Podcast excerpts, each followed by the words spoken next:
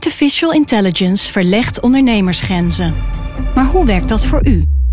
Als transformatiepartner helpt Capgemini u kansen te ontdekken en benutten, zodat we uw ideeën tot leven brengen.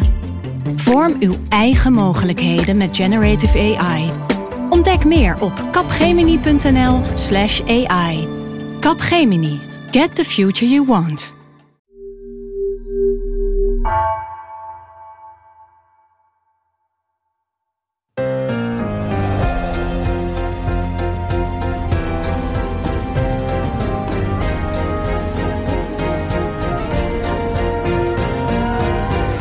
Dit is de Haagse Zaken Q&A. Mijn naam is Lemia Aharwai.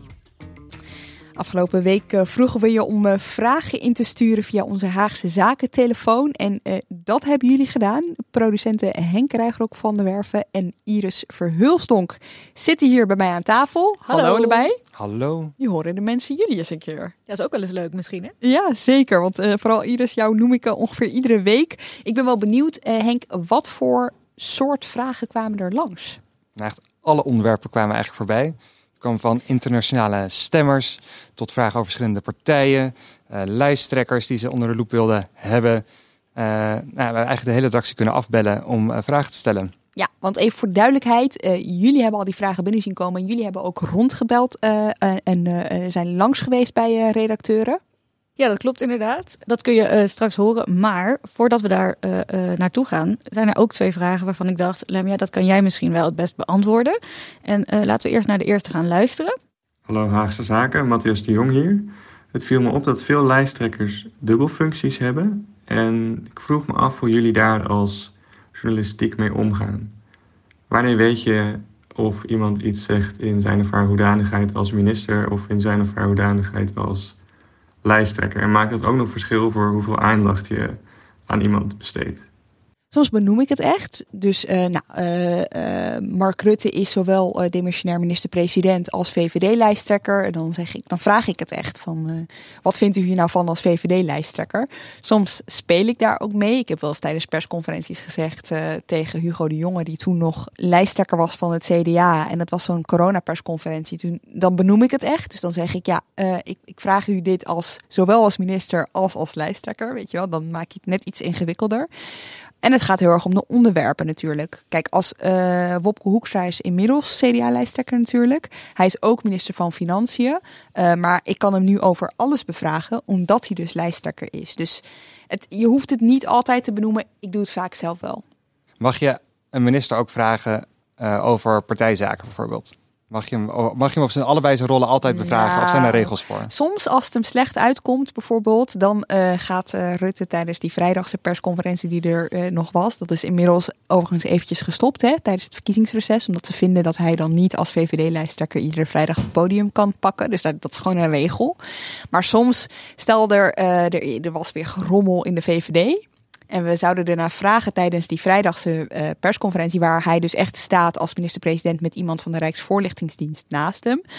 Heel vaak zegt hij dan van, nou nee, ik sta hier als minister-president, dus daar kan je me nu niet naar vragen. Maar als het hem goed uitkwam, ja, dan wilde hij best wel wat als VVD'er. Dan zei hij ook gewoon van, nou ja, dan zeg ik dit even als VVD'er en niet als minister-president. En dan kon hij iets gaan zeggen wat, hem, ja, wat hij dan wel wilde. Dus ik moet zeggen, daar, is best wel, daar gaat hij best wel ambivalent mee om.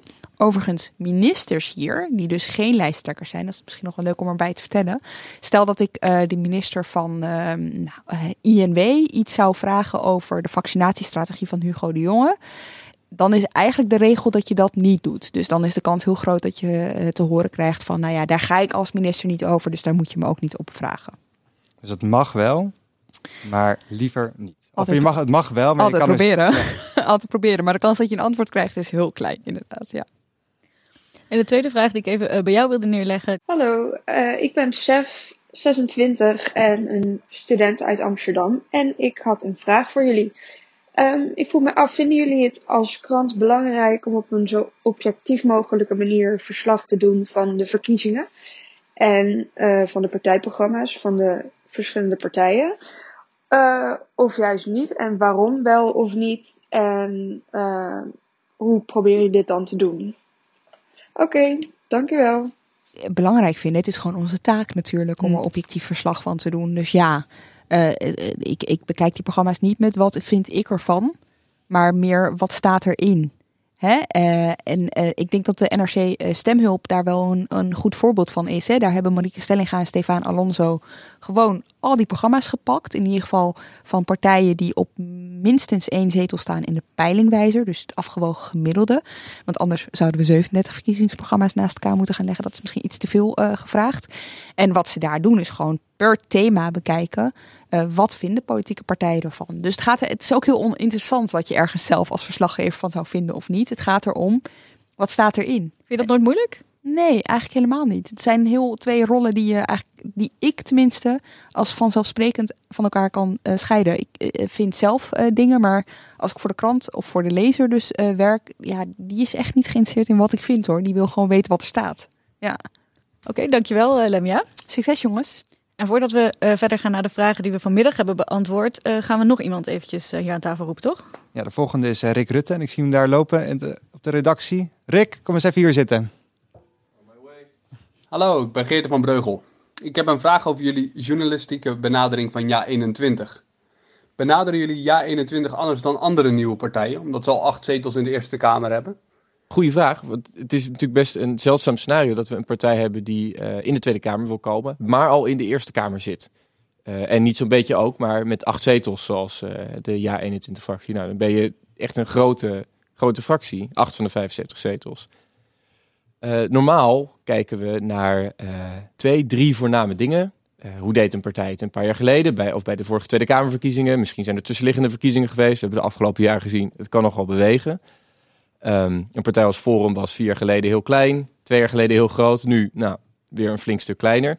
Dat speelt natuurlijk mee. We kijken eh, naar de peilingen. Die volgen we niet alsof het een, wetmatigheid is, maar we, we letten daar wel op. We willen toch voorkomen dat we aan het eind van de verkiezingen moeten constateren dat we een partij gemist hebben. Die wel in het parlement is gekomen, die dus toch 70 of 80.000 kiezers achter zich heeft gekregen, of misschien wel veel meer. En in dit geval speelt die machtsvraag natuurlijk mee. Eh, nou, is het, eh, is het zo dat, dat jij 21 ook eh, in de peilingen op, op twee tot drie eh, zetels staat. Maar het speelt wel mee. En ik ga kijken of ik in het slot van de campagne nog een keer met ze mee kan. Met Ja 21 als ze actie voeren. En juist ook om ze deze vraag voor te leggen. Merken jullie bijvoorbeeld dat jullie ook anders campagne gaan voeren? Want jullie voeren voor een deel campagne richting de kiezer. Maar misschien net zo goed naar de toekomstige coalitie. Die misschien wel steun nodig heeft in de Eerste Kamer. Eh, dus dat is op allerlei manieren een vraag die, eh, die zeker meespeelt. Want het maakt je gewoon tot een partij die al macht heeft en invloed heeft. En zolang je op zoek zijn naar meer macht en invloed, eh, speelt dat voor ons zeker een rol. En merkt, merk je ook dat die, dat die macht die ze al hebben, die zetels die ze al hebben, dat, die, dat ze dat een voordeel oplevert als nieuwe partij? Nou, het geeft ze natuurlijk in Den Haag nu al een, een, een way-in. Van, eh, dat, dat merken journalisten. Op het moment dat je op eh, televisie bent en meer mensen bereikt, dan, eh, dan word je ineens vaker benaderd door de, de assistenten en door Kamerleden. Omdat ze weten dat jij ertoe doet.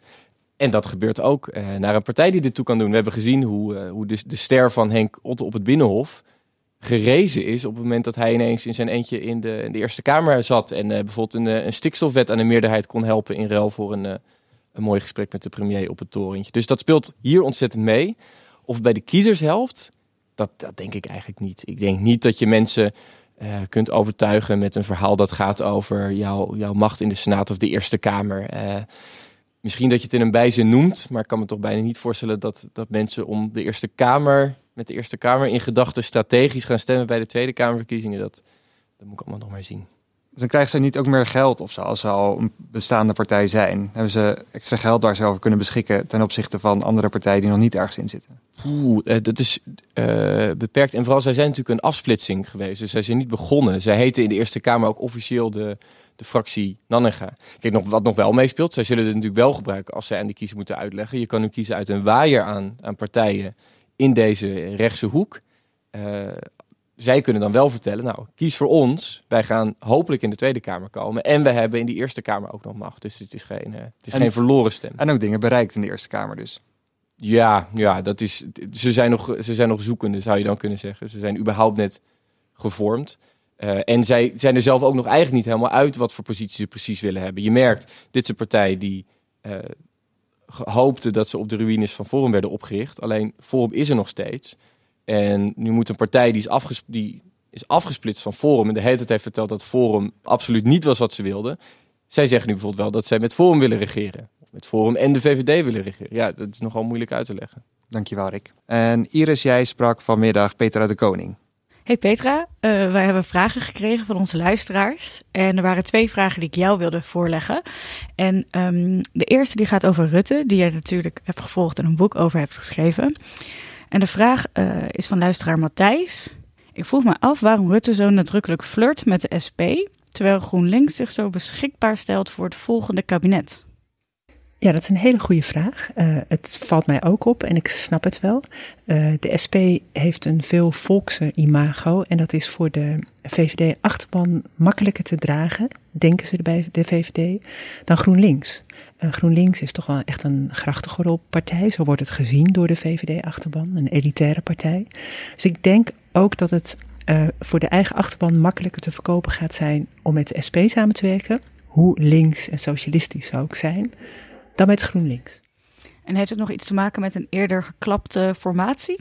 De SP heeft nooit, ja, natuurlijk. Maar en de, SP heeft um, laatst wel meegewerkt aan de, aan de stikstofakkoord. Dus daar hebben ze bewezen dat ze dat, hè, voor de VVD ook, dat ze zich daaraan houden en dat ze tot uh, een compromis bereid zijn. Ja, GroenLinks zeker uh, de vorige formatie zal meespelen. Maar ik denk niet dat dat de belangrijkste overweging is. Niet voor Rutte. Oké, dankjewel. Dan gaan we door naar de andere vraag. En die gaat over een andere partij die jij een tijd gevolgd hebt. Hi Haagse Zaken, ik ben Lisa, 21, groot fan van de podcast. Ik was benieuwd, hoe vinden jullie dat de ChristenUnie het doet, deze campagne? Ja, dus jij als persoon die toch uh, lang de ChristenUnie heeft gevolgd, uh, hoe kijk jij naar hun campagne tot nu toe? Nou, uh, Lijsttrekker Gert-Jan Zegen stelt zich behoorlijk zelfverzekerd op. Um, hij staat er ook goed voor met zijn partij in de peilingen tussen de vijf en de zeven zetels. Ze hebben er nu vijf. Um, ze doen bij de ChristenUnie heel zelfbewust over wat ze hebben bereikt in, uh, in het kabinet Rutte 3. Ze hebben nog steeds een lijst met resultaten bijgehouden op hun site. Dat zijn nu 178. Ze zijn ook zelfverzekerd als het gaat over de volgende, het volgende kabinet. Ze hoeven niet zo nodig mee te doen. Um, ze willen wel praten, maar het is helemaal niet per se nodig. Uh, ze vinden het ook prima als andere partijen gaan aanschuiven en zij een soort constructieve rol gaan spelen, bijvoorbeeld in de Eerste Kamer. Oké, okay, super dank Petra. Wij gaan zo weer verder met de andere vragen beantwoorden. Maar uh, ja, heel erg bedankt voor je tijd, want je zal het wel druk hebben. Ik ga weer aan de slag.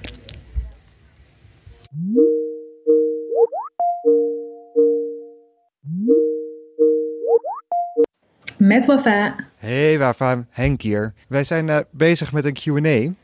En ja. er zijn twee vragen van luisteraars waarvan ik denk dat jij die wel goed zou kunnen beantwoorden. Ik ben benieuwd. Ja, de eerste is van Koen. Hoi, mijn naam is Koen en ik vroeg me af of er, afgezien van het jaar van oprichting, ook wat meer inhoudelijke uh, verschillen waren tussen D66 en Volt. En wat die dan zijn. Alvast hartelijk dank.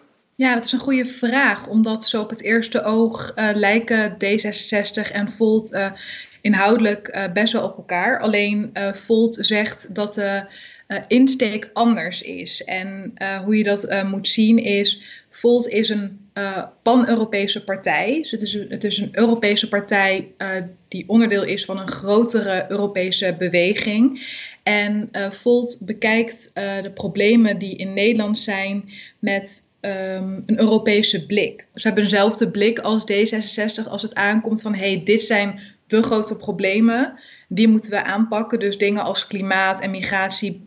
Um, het verschil tussen Volt en D66 is dus dat Volt eigenlijk in elk land van de Europese Unie actief is. En eigenlijk wil dat elk Europees land met dezelfde oplossing komt. Hoe uh, Volt is georganiseerd, ze zijn in alle Europese uh, lidstaten actief en ze voeren eigenlijk dezelfde agenda met als doel van hoe meer Europese landen achter dit, deze aanpak staan, hoe sneller je dus op Europees niveau tot een oplossing kan komen. En daar profiteert uh, een, een land ook gewoon intern van. En waar verder hebben we nog een vraag voor jou. En deze afkomstig van Wouter en gaat over stemmers in het buitenland. En ik denk dat jij die goed kan beantwoorden, omdat jij een stuk hebt geschreven in de krant over briefstemmers.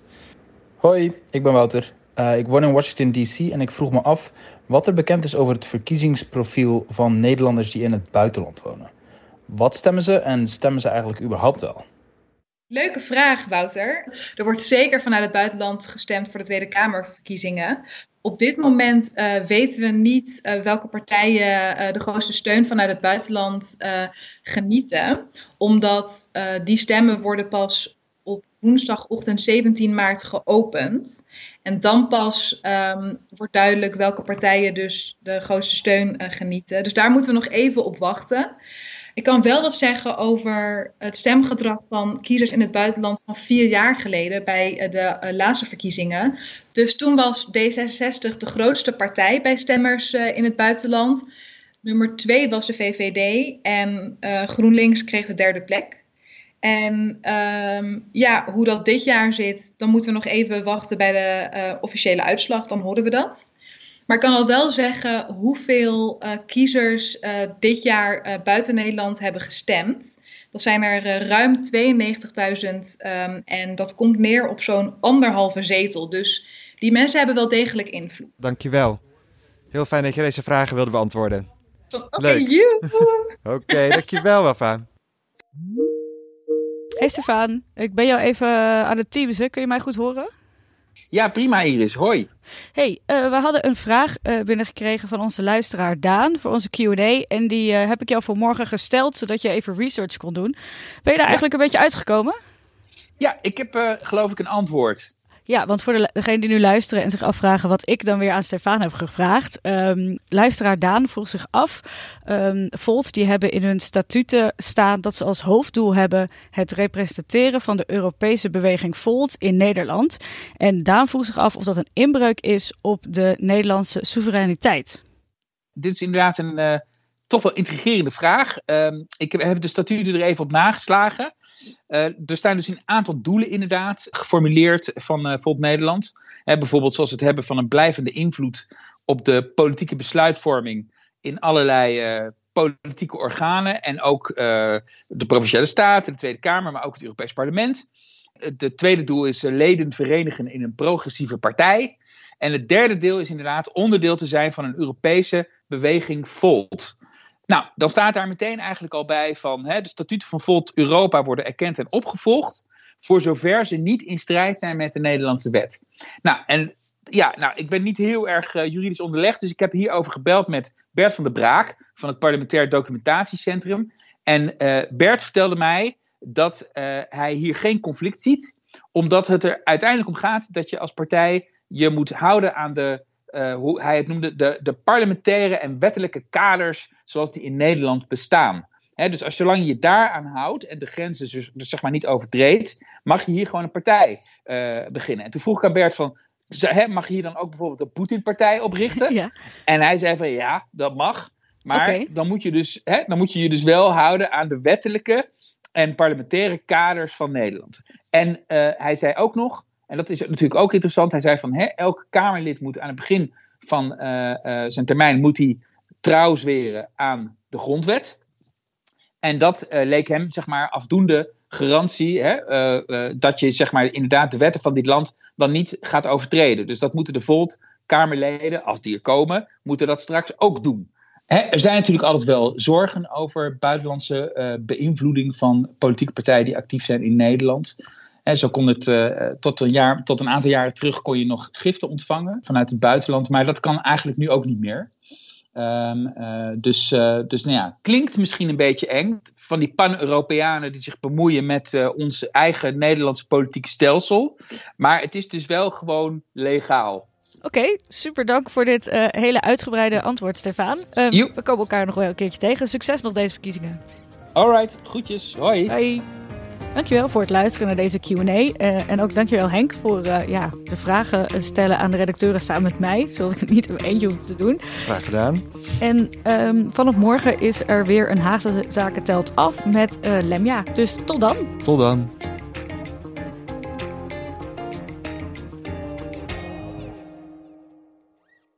Wat weet ik eigenlijk van die nieuwe leverancier? Ik heb die spullen wel echt nodig. Gaat hij straks wel leveren? Ik weet niet eens hoe lang die bestaat. Weten met wie je wel of niet veilig zaken kunt doen? Check kvk.nl voor belangrijke ondernemerskennis. Zoals info over een nieuwe handelspartner. KVK, hou vast voor ondernemers.